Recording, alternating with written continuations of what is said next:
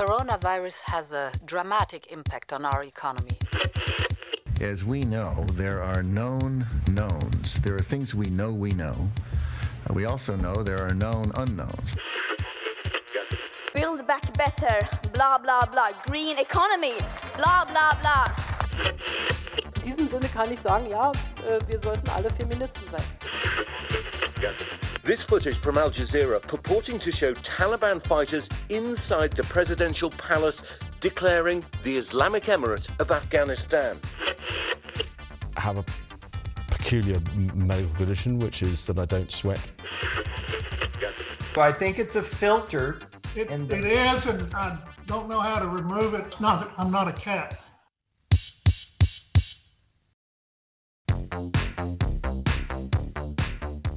Þú ert að hlusta á heimskviður Í heimskviðum er fjallað um það sem gerist ekki á Íslandi.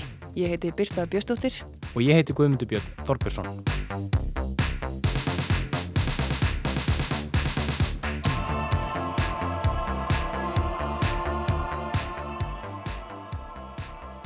Í þættinum í dag höldum við til Rúslands, Úkrænu og Bandaríkjana. Birta, í síðar hluta þáttanins allar þú að fara með okkur vestur eftir. Já, til Flórida, nára tiltekið. E, mér langaði að fræðast aðeins meira um e, fyrirhugða lagabreitingu þar í því ríki sem að myndi banna alla fræðislu og alla umræðu um málefni hins egin fólks og transfólks í öllum já, leikskólum og yngstu stegum grunnskóla þær landi. Og mér langaði aðeins að svona fræðast líka um hérna, ríkistjóran sem að stendur fyrir þessu breytingum og hvað vakið fyrir honum, af hverju, hann, hann er svona, af hverju honum eru málefni transfólk svona ólega hugleikin og ég ræði við Silju Báru Ómarsdóttur, uh, prófessor í stjórnmálafræði sem veit nú eitt og annað og aðeins meira það um bandarísk stjórnmál. Og góð kuningja heimskveða. Heldur betur. En það er sem við segir í síðarluta þáttarins við ætlum að byrja á máli málana. Stríði í Úkrænu er sem fyrr helsta frétta efni dagsins í dag. Mikið hefur verið rætt og ritað um afleiðingar þess og það er miljónir úkrænumanna sem hrækist hafa frá heimilum sínum sem og aðeir virðist þá óskiljanlegu ákverðin Rúslands fórsetta að ráðast inn í fullvalda ríki. Minna hefur verið rætt þá menningarlegu, sögulegu og ekki síst trúarlegu hugmyndafræði sem kann að liggja hér að baki. Guðmundur Björn tekur nú við.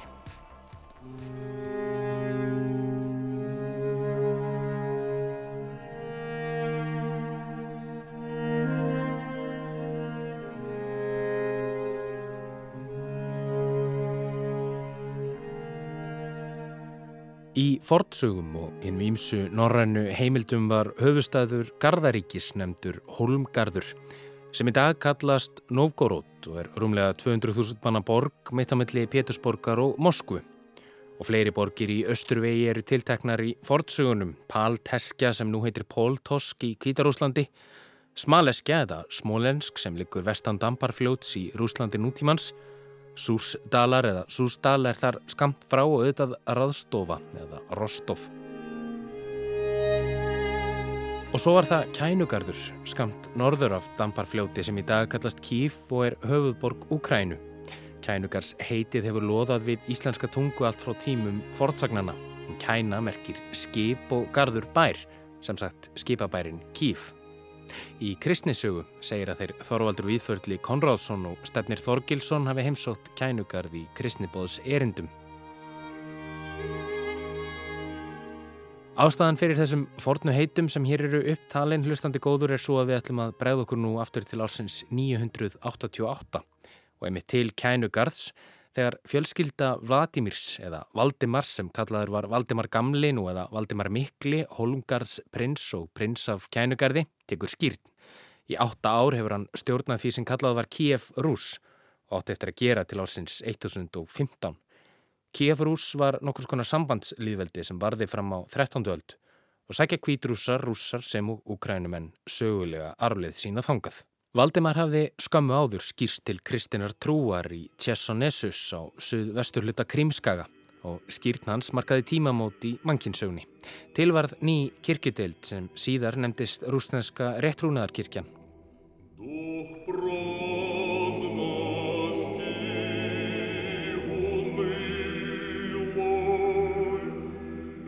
Árið 1325 var biskupstóllinn svo fluttur frá kænugarði til Moskvu en upphaf þessarar kirkju og kristni á þessu gríðarstóra landsvæði má reykja til skýrnar Valdimars og fjölskyldu hans í kænugarði. Það er ekki ætlunin að fara út í kirkjusöguleg smáadriði hér, hlustandi góður, sem tengjast klopningi Rómarveldis í vest-rómarska ríkið annarsvegar og öst-rómarska ríkið eða Bísansríkið hinsvegar og hvar hinir og þessir patriarkar kirkjunar sátu. En skýrn Valdemars skiptir miklu máli, þar sem hún kom með kristni til Kíafrús, til Úkrænu, nú eða til Rústlands. Það fyrir eftir í hvern þú spyrð. Og kænugarður er skálholt rúsnesku kirkjunar, þeirrar kirkju sem hefur mikil ítök í rúsnesku samfélagi og hvers hugmyndafræði er yfir og allt um kring hjá nafna Valdemarskamla, Pútín, hins kristna fósetta Rúslands og nú ógmaldi ukrainsku þjóðarinnar. Hann er fósetti Rúslands sem er auðvitað ekki bara Rúsland, heldur hið heilaga Rúsland, land sem er svo miklu meira en land. Það er heimsmynd, það er ideológia, það er í sjálfu sér einhvers konar útópja og það á að fara stækandi og standa vörðum sitt fólk og þau gildi sem rússar eiga að hafa í heidri.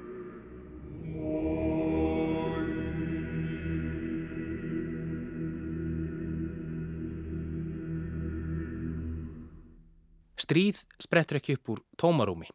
Þau hræðilu átök sem eiga sér nú stað í Úkrænu gera það ekki og ástæða innrásar rússa er ekki, þó svo mörg okkur á Vesturlundum viljum trúa því, aflegging þess að Vladimir Putin sé brjálaðingur sem sé búin að missa vitið. Nei, Ekkert verður vist til í tómarúmi en maður lái kannski ekki þeim sem halda að innrásinn eins ræðileg og með öllu tilgangsleis hún er sé stundar brjálaði eins manns.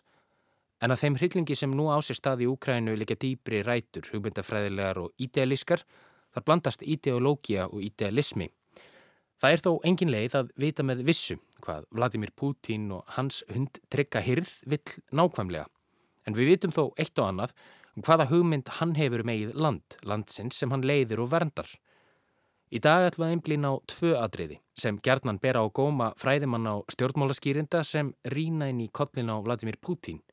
Þau virðast á lík en eru í raun á skild. Þetta er hugmyndinu með volduga og sístækandi Rústland annarsvegar og hins vegar um þátt rúsnesku réttrúnaðarkirkjunar og hlutar kennar í hugmyndafræði Putins. Byrjum á fyrra atriðinu. Rúsland er ekki bara lang, langstasta land í heimi heldur land sem á muna sinn fývil feguri. Þótt ótrúleitt með virðast hefur Rúsland verið starra heldur en núverandi landamæri segja teilum. Sovjetrikinn þekkjum við öll, en svo var það rúsneska heimsveldið sem á sínum tíma náði yfir þrjár heimsálur að óglemdum fyrirrennar þess rúsneska keisardæminu. Hugmyndum um dýrðartíma Rúslands er gjarnan haldið á lofti af þeim sem haldaðum stjórnartöma í Rúslandi nútímans sem úr rúsneskum fræðimönnum og stjórnmála skýrindum sem líta glóegir til hennar gömlegóði tíma er Rúsland var ekki bara þjóð á meðal þjóða heldur veldi og hugmynd, jafnvel heimsmynd í sjálfu sér. Eitt þeirra er Alexander nokkur Dúkin sem fættist í Moskvu árið 1962. Nafn Dúkins hefur skotið víða upp að undaförnu og samband hans við Pútín fossetta dreyið upp þó ekki sé vitað með vissu hvort er Pútín og Dúkin sé í nokkur einasta sambandi í dag En það sem er vitað er að í heimsbyggi dúkins má finna samsvörun í hugmyndafræði Vladimir Putins um hvað Rúsland stendur fyrir. Alexander Dúkin, hann var orðin þekktur strax þarna snundi lók tíunda áratörins. Þetta er Rósa Magnúsdóttir, professor í Sackfræði. Rósa er með doktorsprófi sögu Rúslands og þekkir vel til skrifa Dúkins. Dúkin er höfundur fjöldabóka, svo þekktast er eflust bókin Grunnstóðir alþjóðastjórnmála sem kom út árið 1997 og er talan hafa haft mikil áhrif á rúsneska uterikistefnu sem á herin og lauruglu þar í landi og er meðal annars kendi í rúsneskum herskólum. Í bókin er hugmyndinum Rúsland sem miðpunkt Evrasíu áberandi og í henni er ákall eftir því að Bandaríkin og önnu ríki á Vesturlöndum drægi úr þeirri viðletni að koma hugmyndafræði sinni að á þessu svæði. Og hann sem sagt setur fram þessa hugmyndum að Rúsland þurfi að þennjast út til þess að passa upp á sín rúsnesku gildi. Segir Rósa hinn rúsnesku gildi, þau eru ekki vestræn og í bókinni er greint frá því hvernig koma þau í veg fyrir að vestræn gildi sem stangast á við þau rúsnesku berist til Rúslands og meðal þessari gilda eru hlutir sem við tökum sjálfsögðum. Því að hann sér til dæmis mannrettindi sem eitthvað svona vestræn gildi sem eiga bara ekki við í svona sterku valbósríki eins og hann vil sjá í Rúslandi. Í bókdúkins má finna upptalning á því hvernig draga beru úr áhrifum vestræna ríkja á Rúsland og heimfara svo kallaða Finnlandsvæðingu yfir á alla Evrópu. En orðið Finnlandsvæðing vísar til þess þegar stort og kröftugt ríki beitir krafti sínum til að þakka niður í smerri ríkjum, samanber áhrif Sovjetríkjana á Finnland á kaldastriðsárunum. Til að gera þetta við Evrópu þurfa rússar að mati dúkins að valda upplýsingar óreiðu innan álfunar og gera ríki Evrópu háða útfluttum vörum frá Rúslandi eins og ólíu og gasi og öðrum náttúröðlundum. Þetta ljóma kunnulega ekki satt. Jú, kannski, við höfum nefnt gasleðsluna Nord Stream 2 einu sinni að tvissar í heimskuðum.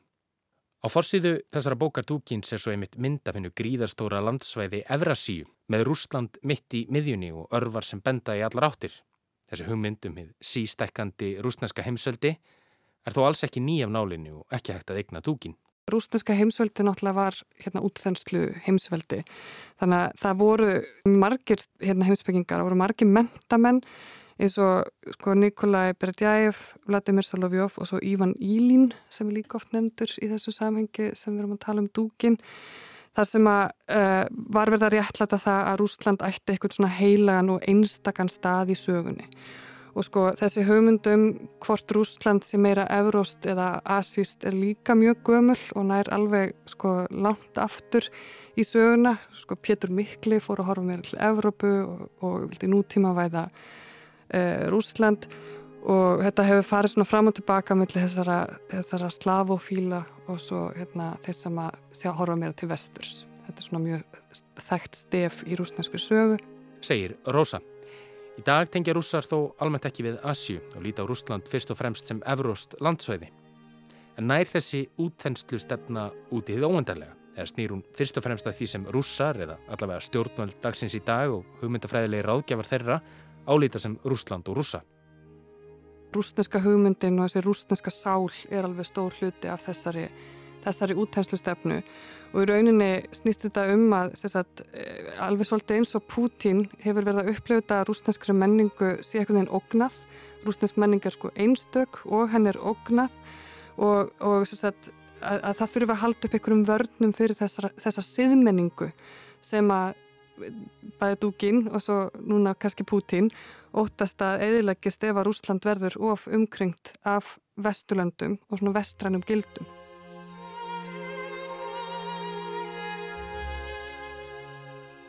Dúkin hefur mikið líka verið að tala um sko áhrif nattvæðingar og það kemur mjög stert inn sko, hann, hann horfið bæði á sko efnaðslega áhrif nattvæðingar en einmitt líka þessa svona gildis gildisnattvæðingu, að við séum öll að verða líkari og einhvern veginn vestrætni í hugsun, þannig að það er mjög sko, hann sér þessa rúsnesku úthenslustefnu, dúkin sem satt, sem einhvers konar mótvægi við þessa, þessa þennan globalisma.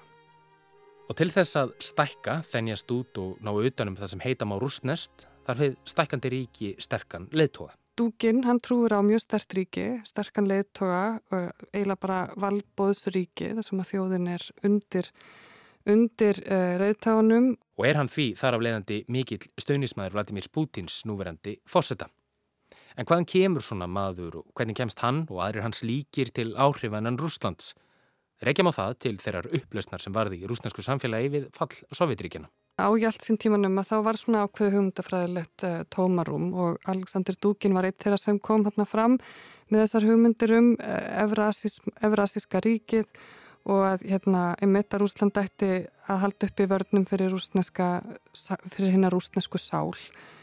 En Pútin kom til valda sem frekar pragmatískur leittói. Hann hérna, var alveg upptekinn af því að finna einhverja svona hugmyndafræði fyrir rúsa en hann var líka bara mjög mikið að einblýna á þennan stöðuleika sem hann hefur hérna, byggt svolítið sitt vald á í Rúslandi en hann, hann tók kannski ákvarðinu meira sem skynnsemis vera svona upphafi en það er eins og hann hafi færst meira og meira yfir á einhverja svona hugmyndafræðilega línu eftir því sem að tímin líður, við erum meila sko alveg hægt að tala um einhverjar hvað segir maður, svona skynnsemis ákvarðanir sem að liggja baki görðum Pútins.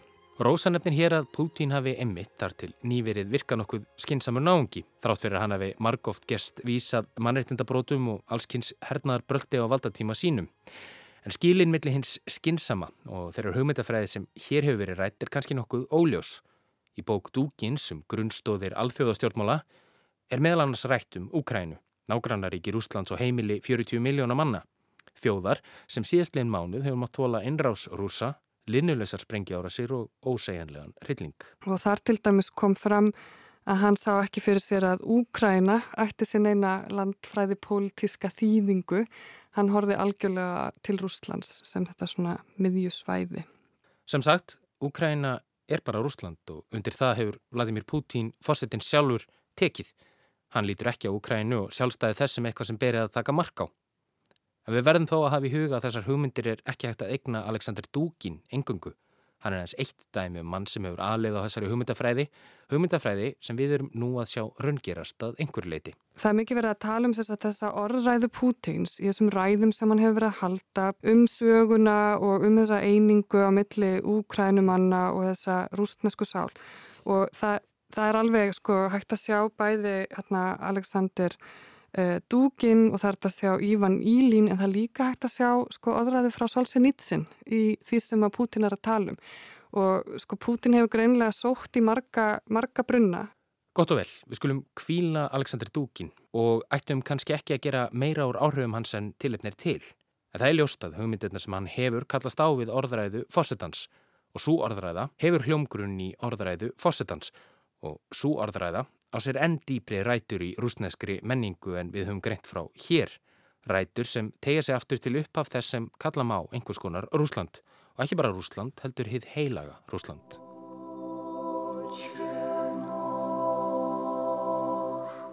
Ég rætti hér í upphafi um þann atburð sem telja má til upphafsteirar kirkju sem í dag kallast rúsneska réttrúnaðarkirkjan þegar Valdimar Mikli tók skýrn á Krímskaga og lit skýra fjölskyldu sína í kænugarði. Þegar við hugsaum um Rústland og, og þá sér í lagi kannski gömlu Sovjetríkin er kristin trú kannski ekki það fyrsta sem við hugsaum um. En leiðtói Rústlands er kristin maður. Hann tók skýrn í hennum trúlösu Sovjetríkjum og ber enn í dag skýrnar krossin um hálsin og kirkjan er Pútín mikilvæg.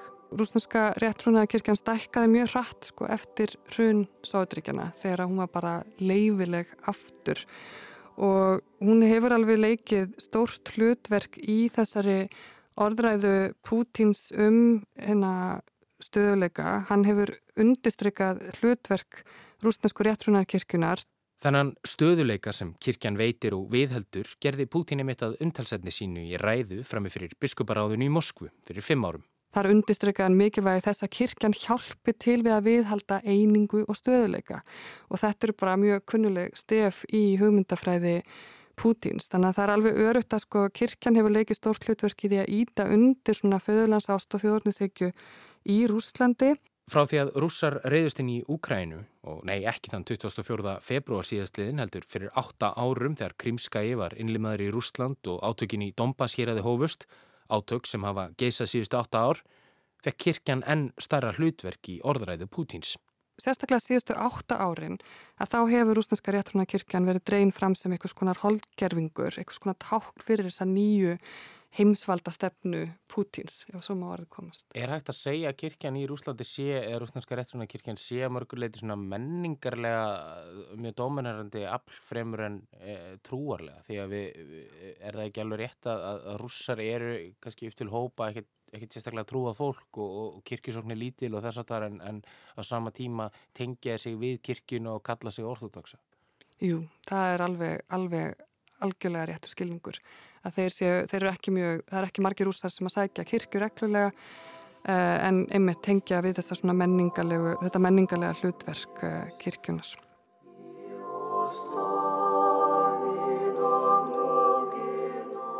En höfum eitt í huga hér Ef kirkjan er fyrst og fremst menningarlega og sögulega mikilvæg Pútín, hvaða þýðingu hefur það þá að uppbrunni hennar og ástæði þess að Kíef Rús sem síðan var rúsneska keisardæmið, svo heimsveldið, var kristið, er kænugarður. Hann held ræðið árið 2012 þar sem hann fór að ræða um að, já, Rúsland hef ekki bara byrjað árið 1917, ekki einu svona árið 1991, heldur bara sameilig og samfellsaga sem nær alveg hérna þúsund ár aftur í tíman, þannig að hann hann alveg, hann gerir tilkall til Kíf, Kíf Rús sem er þarna upphaf eh, það sem hann sé sem rúsnesku hérna, þjóðarinnar. Pútín hefur margóft gefið út að innrásin í Úkrænu sé ekki innrás, heldur sérstök hernarleg aðgerð til þess ætluð að koma nínasistum og hriðiverkamannum frá völdum í Úkrænu, svo íbúar Dombas hér að skitum frjálst höfuð strókið Hér ás hvar etnískir russar eru í meiri hluta og Putin hefur nýlega viðkent sem sjálfstæði ríki Luhansk og Donetsk.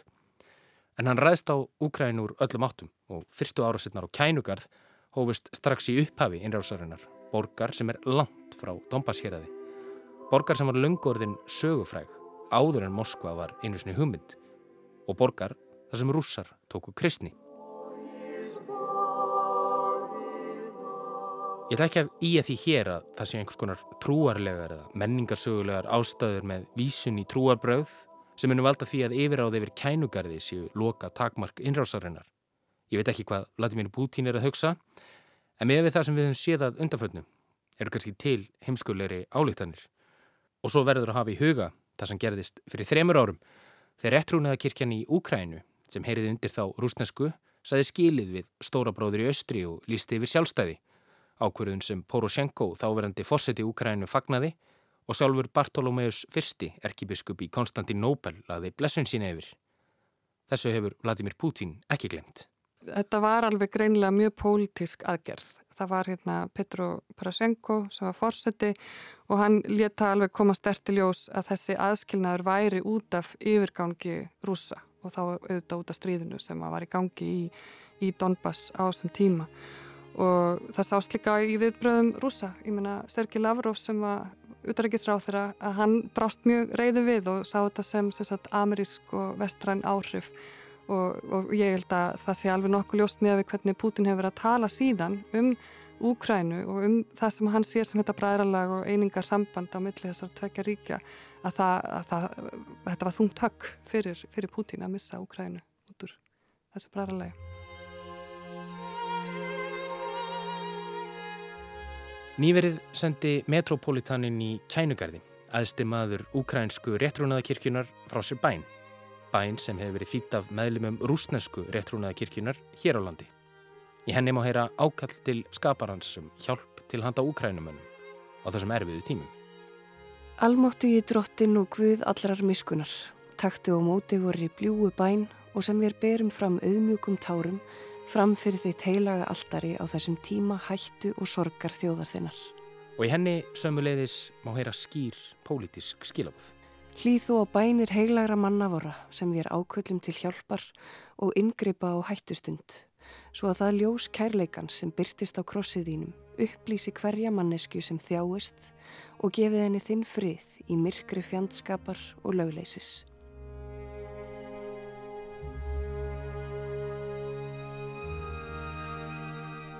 Frá því einrás rúsa í Ukrænu hófst 24. februar hafa mistakosti 3000 almennir borgarar látið lífið í borgunum Mariupol og Kharkiv einmið saman.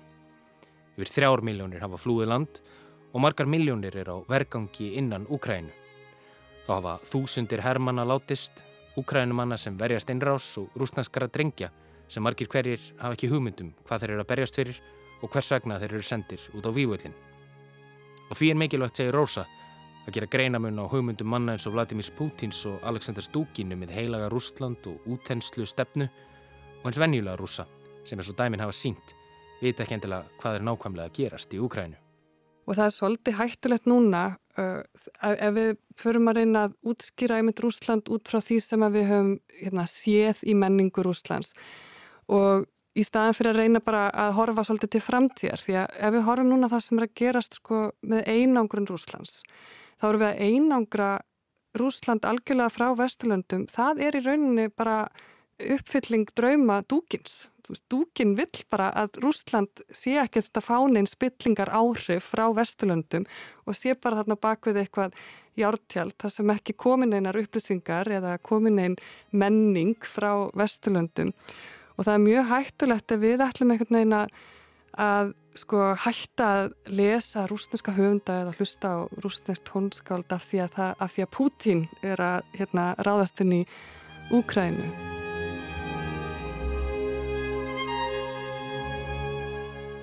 Við þurfum svolítið að skilja á milli sko Púskin og Pútín. Þetta er ekki það sama og eins og þetta með að núna hafa áhuga á Aleksandri Dúkin uh, við erum að sko, skoða alls konar þræði og kannski koma staði okkur til mikill að mæðu að það er ekkert eitt sem að útskýrir þessa, þessa gjörð að ráðast þarna inn í Úkræna, ráðast á sjálfstætt og fullvalda ríki að þetta eru, þetta eru flóknar aðstæður og eru, þetta er bara flókin heimsbyggið þarna bakvið þetta allt saman.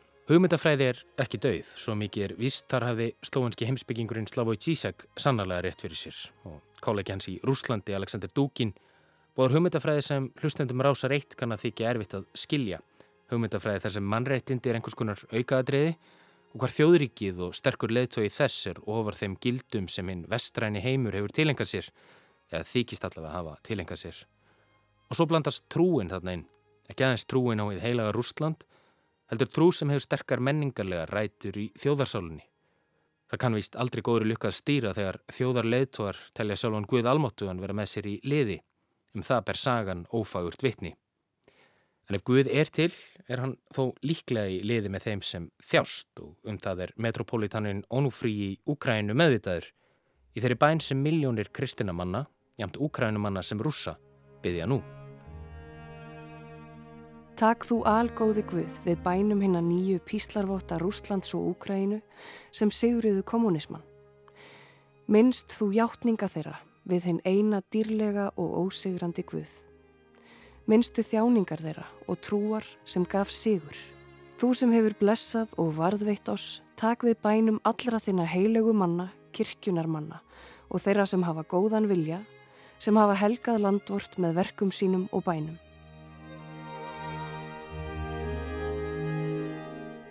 Og allra helst, hlýð þú á bænir þinnar blessuðu megar Maríu Guðsmóður. Við treystum því að hennar einlega bæn muni frelsa fólkið frá allri hættu, reyði og neyð og veiti viðnámi okkar inngrónu synd, hemdar og lögleysis. Hlýð þú á oss Guð, þú sem ert frelsari vor þegar við byggjum. Vertu oss náðugur, þú sem ert mirskun samur drottin, öllum þeim sem þjást og bera byrðar sorgar og þjáninga. Fyrirgefos skuldir vorar.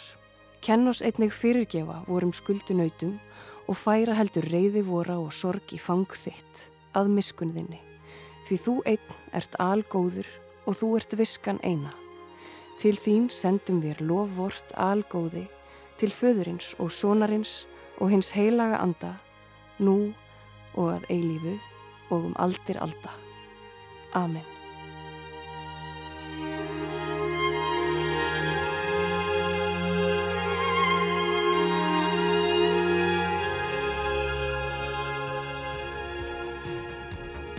En þá höldum við til bandaríkjana.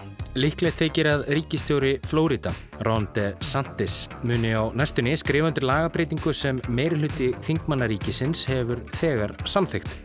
Breytingarnar banna alla umræðu og fræðslu um málefni hinsegin og transfólks í leikskólum og yngstu bekkjum grunnskóla. Banninu hefur verið mótmælt víða Og nú síðast steg Disney samsteipan upp á afturlapirnar og hóttar að draga ár fjárstuðningi við republikanaflokkin í Flórida nái bannið fram að ganga. Birta segir okkur nú meira. Samkvæmt ný samþyktu frumarpinu verður bannað að ræða og fjalla um samkynneið og transfólk í kennslu barna í leikskólum og allt upp í tíu ára aldur í grunnskólum. Frumarpið umdelda var samþykt með nokkrum yfirburðum af þingmönnum Flóridaríkis. Stuðnisfólk breytingana heldur því fram að umræða og fræðsla um það að vera transmanniska eða að vera hinsegin eigi ekki heima í skólum landsins. Svo umræða eigi að fara fram heima. Kennarar eigi ekki að vera ræða við svo ungu börnum þessi mál. Bannið nær til allra leikskóla ríkisins og sömu leiðis fyrstu bekja grunnskóla upp að tíu ára aldri. Frumvarpinu hefur verið mótmælt og það víða. Andstæðingar lagabreitingarinnar kalla frumvarpið don't say gay eða ekki tala um samkynnið. Dian Besaki, talskona Kvíta ásins, sæði frumarpið hatusfullt og beinast gegn viðkvæmum hópum. is discriminatory, it's uh, a form of bullying, um, it is horrific. I mean, the president has spoken to that. En þrátt fyrir þau skilabúður kvítahúsinu heldur ríkistöður í Flórida, Ron DeSantis, sínust reiki. Það er alltaf gott að kanna baksöguna og spyrja spurningarinnar í samnefndum leik, hver er maðurinn? Ronald Dion DeSantis, eða Ron DeSantis, er fættur öður 1978. Hann hefur gengt ennbætti ríkistjóra Flórida frá árinu 2019. Já, Ron DeSantis er að ljúka sínu fyrsta kjörtjumabili sem ríkistjóri í Flórida. Hann er republikani, fætur og uppalinn í, í Flórida og svona hefur gengið mjög hefðbundin svona vegi gegnum lífið með að við ætla að vera stjórnmálumæður. Þetta er Silja Bára Ómarsdóttir, professor í stjórnmálafræði við Háskóla Íslands og sérfræðingur í hinnum margslungnu bandarísku stjórnmálum. Hann uh, hérna gekk í Yale í, í bjönámi og fór síðan laganámi í Harvard, hann þjónaði hernum og var síðan saksóknari og uh, fór síðan í fulltrúadeild uh, bandaríkjathings áður en hann bauð sér fram 2018 sem, sem ríkistjóri í Florida og sigraði þar. Hann var einn svona þekktari stöðningsmennum Trumps og svona hefur, já, markað sér spór sem einn af, af þeim sem standa á sama vængstjórnmáluna og Trump hefur gert. DeSantis hefur verið orðaður við fórsetaframbóð fyrir republikanaflokkin þegar næstu fórsetakostningar fara fram árið 2024. Jú og uh, það sem að kannski maður sér er að gerast í, í Flórida núna er að, að hann er svona aðeins að byrja að skilja sig frá Trump að, að vegna þess að þetta eru líkur alveg á því að Trump muni sjálfur sækjast eftir tilnefningu republikanaflokksins til uh, fórseta en, uh, en er um leið að Uh, svona að reyna að, að standa uh, út úr í samabörði við mögulega frambjöðundur sem að eru frekar á svona nær miðjunni, þar að segja svona meiri hófsamari republikanar. Hann er mjög líklegur til þess að, að hérna lýsa yfir frambóði á, á svona, já, eftir kannski eitt eða tvö ár. Rondesantis ríkistjóra Florida eru málefni transfólks greinlega hugleikin. Í fyrra samþykti ríkistjórin aðra lagabreitingu sem bannar transstúlkum að keppa í kvennaliðum í öllum íþróttagreinum í öllum skólum ríkisins.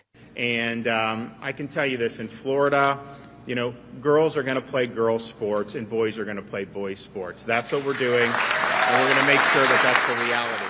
Sem sagt, stelpur stunda stelpu íþróttir og stráka spila stráka íþróttir. Þannig ætla þau að hafa það þarna í Flórida, segir ríkistjórin. Að stýra heilu ríki er líklega mikil vinna. Flórida er eitt fjörumennasta ríki bandaríkjana, raunar í þriðja sæti á þeim lista. Það er búa fleiri en 20 miljónir og það eru örglega á nógu að taka. Því er áhugavert að velta fyrir sér hvers vegna ríkistjórin vergi svo miklu púðri að leggja steina í götu transfólks. Einnig hvaða hóp er hann að tala með þessum ákverðunum sínum? Silja bára aftur. Það er tölver stór hópur kjósenda í bandaríkjunum sem að, hefur efasemtir um að uh, rétt sé að, að uh, kennarar til dæmis sé að ræða um kynvitund uh, og kynneigð við ung börn. Þannig að hann er að tala inn í, inn í þann hóp. Þetta hérna, er svona vekur andstöðu meðal þeirra sem eru lengra til vinstri, þeirra sem að stedja réttindi hins eginn fólks. En eins og ég segi, það er tölvöld stór hópur fólk sem að, að á erfitt með þessar uh, breytingar á samfélaginu og þessa opnun á uh, samtali um, um málefni sem að, að, að tengjast réttindum hins eginn fólks og kannski sérstaklega transfólks. Og þetta er hópur sem hann er svona að reyna að vekja og þetta er ekkert óþægt, við getum farið aftur til, hvað það, 2004 minnum mig, þegar að Kansas setti til dæmis á á dagskrá að, að banna hjónabönd samkynneður að setja það í, í stjórnaskrá ríkisins að, uh, hérna, og þetta svona dregur fólk á kjörstað. Þannig að það er ekkert endilega málefnið sem slíkt sé hitamálið heldur að þetta er leið til að vekja fólk sem að hefur ákveðnar stjórnmálaskoðanir til þáttöku og, og draga það á kjörstað þegar, þegar, þegar að, að það er að kemur. Og hér má ekki gleyma að það eru kostningar í bandaríkjunum í november og eins og Silja Bára nefnir er líklega ekki setna vætna fyrir frambjöðundur að hefja kostningabaróttu. Flest sem að fylgjast með bandarískum stjórnmálum vita að kjörsókn er mjög dræm og það þarf ofta eitthvað svona eh, eitthvað umdilt efni til þess að eh, hvetja kjósendur til þess að, að mæta á kjörstað og uh, með því að, að sagt, skilja sig að frá öðrum frambjóðundum með þessu þá ertu líka að fá þannig hóp og þá fá stöðning þeirra bæði í fórkostningum og síðan í, hérna, í kostningum þegar að, að þar kemur. Svona er þetta í Flórida en er þessar áherslur að finna hjá fleiri ríkistjórum í bandaríkunum? Já, þetta er uh, hérna, Texas kannski mest ábreyndi það eru nokkur annur ríki sem eru með sambarilega lögjöf annarkvort í gildi eða í vinslu.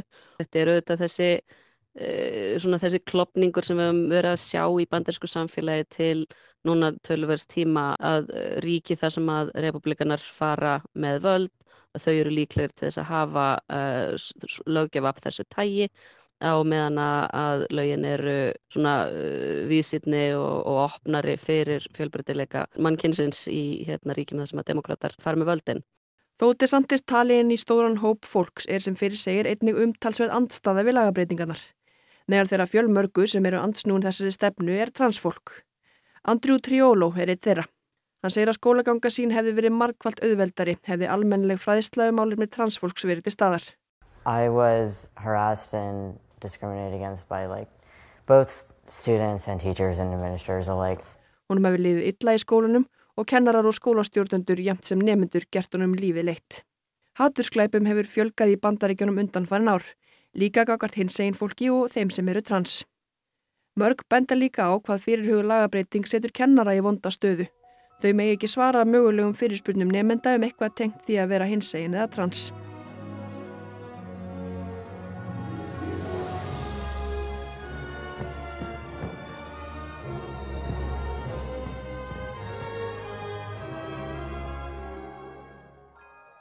Svo hefur Disney fabrikan meira að segja blandast inn í málið.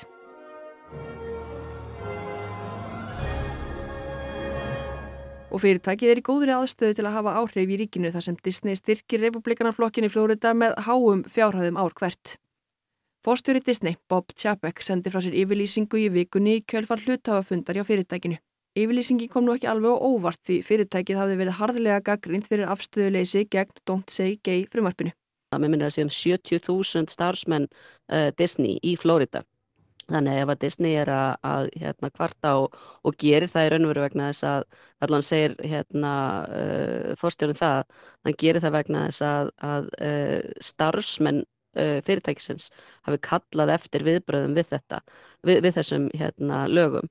Tjabek tók af allan vafa í áðunendri yfirlýsingu, sæðist sjálfur hafa ringt í ríkistjórandi Santis og líst yfir vanþóknun sinni með fyrirhuga lagabreitingu.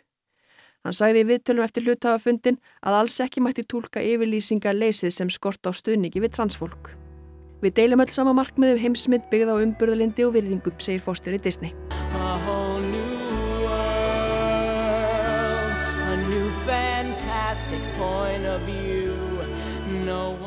Fórstjórun saði sömu leiðis að leiðirnar að fegur í heimsmynd varu margvíslegar. Baráttan sé ekki bara við eina lagabreitingu. Hann sagðist trúa því að Disney leggji lóðsitt á vogaskálanar með framleiðslega og efni sem síni fjölbreytarleika heimsins. Því eru reyndar ekki alveg öll sammála.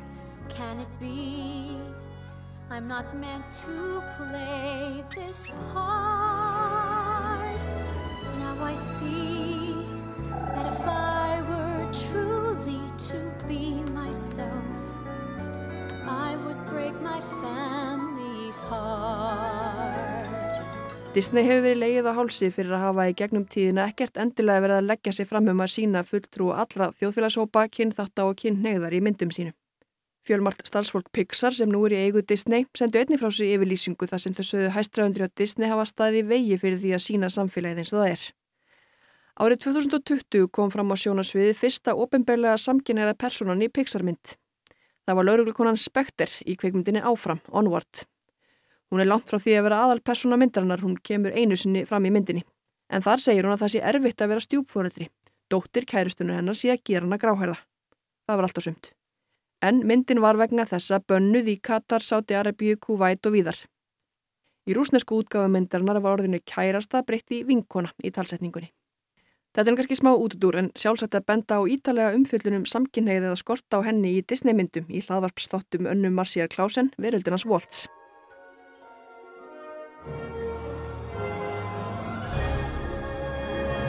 En áfram með smjörið. Tjapek, fórstjóri Disney, viðkendi einnig að það hefði ekki verið rétt ákverðin á fyrirtækinu að þeia þunnu hljóði framanaf á meðan meira hluti republikana í Flórida lístu yfir stuðningi við frumvarp sem var enn einn aðlegað grundvalla mannréttindum.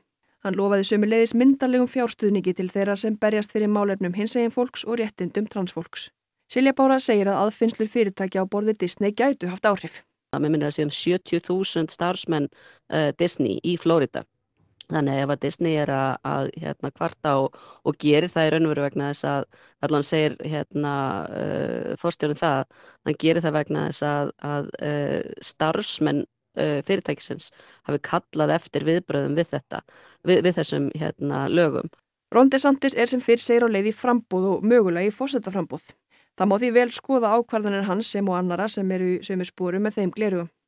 Silja Bára nefnir fleiri pólitískar ákvarðanir sem ríkistjórnin hefur tekið undanfarið sem sumum hugnast og öðrum ekki.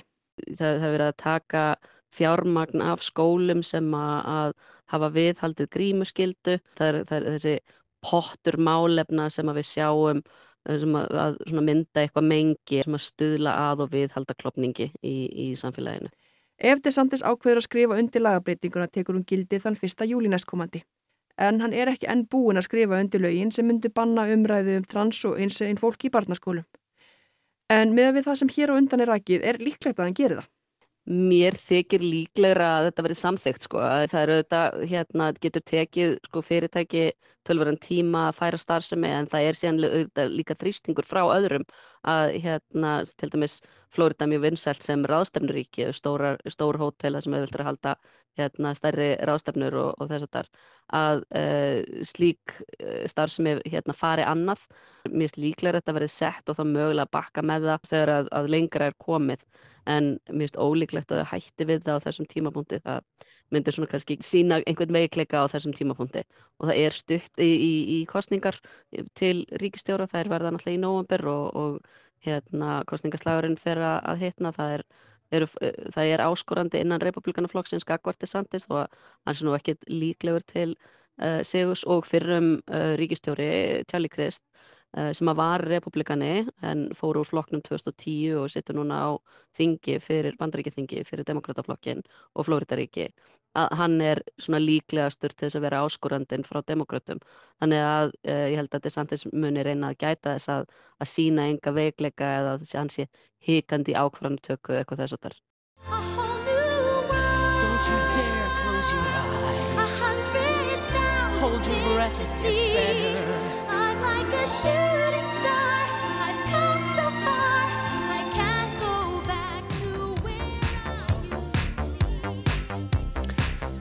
Heimskuður verð ekki fleiri þessa vikuna.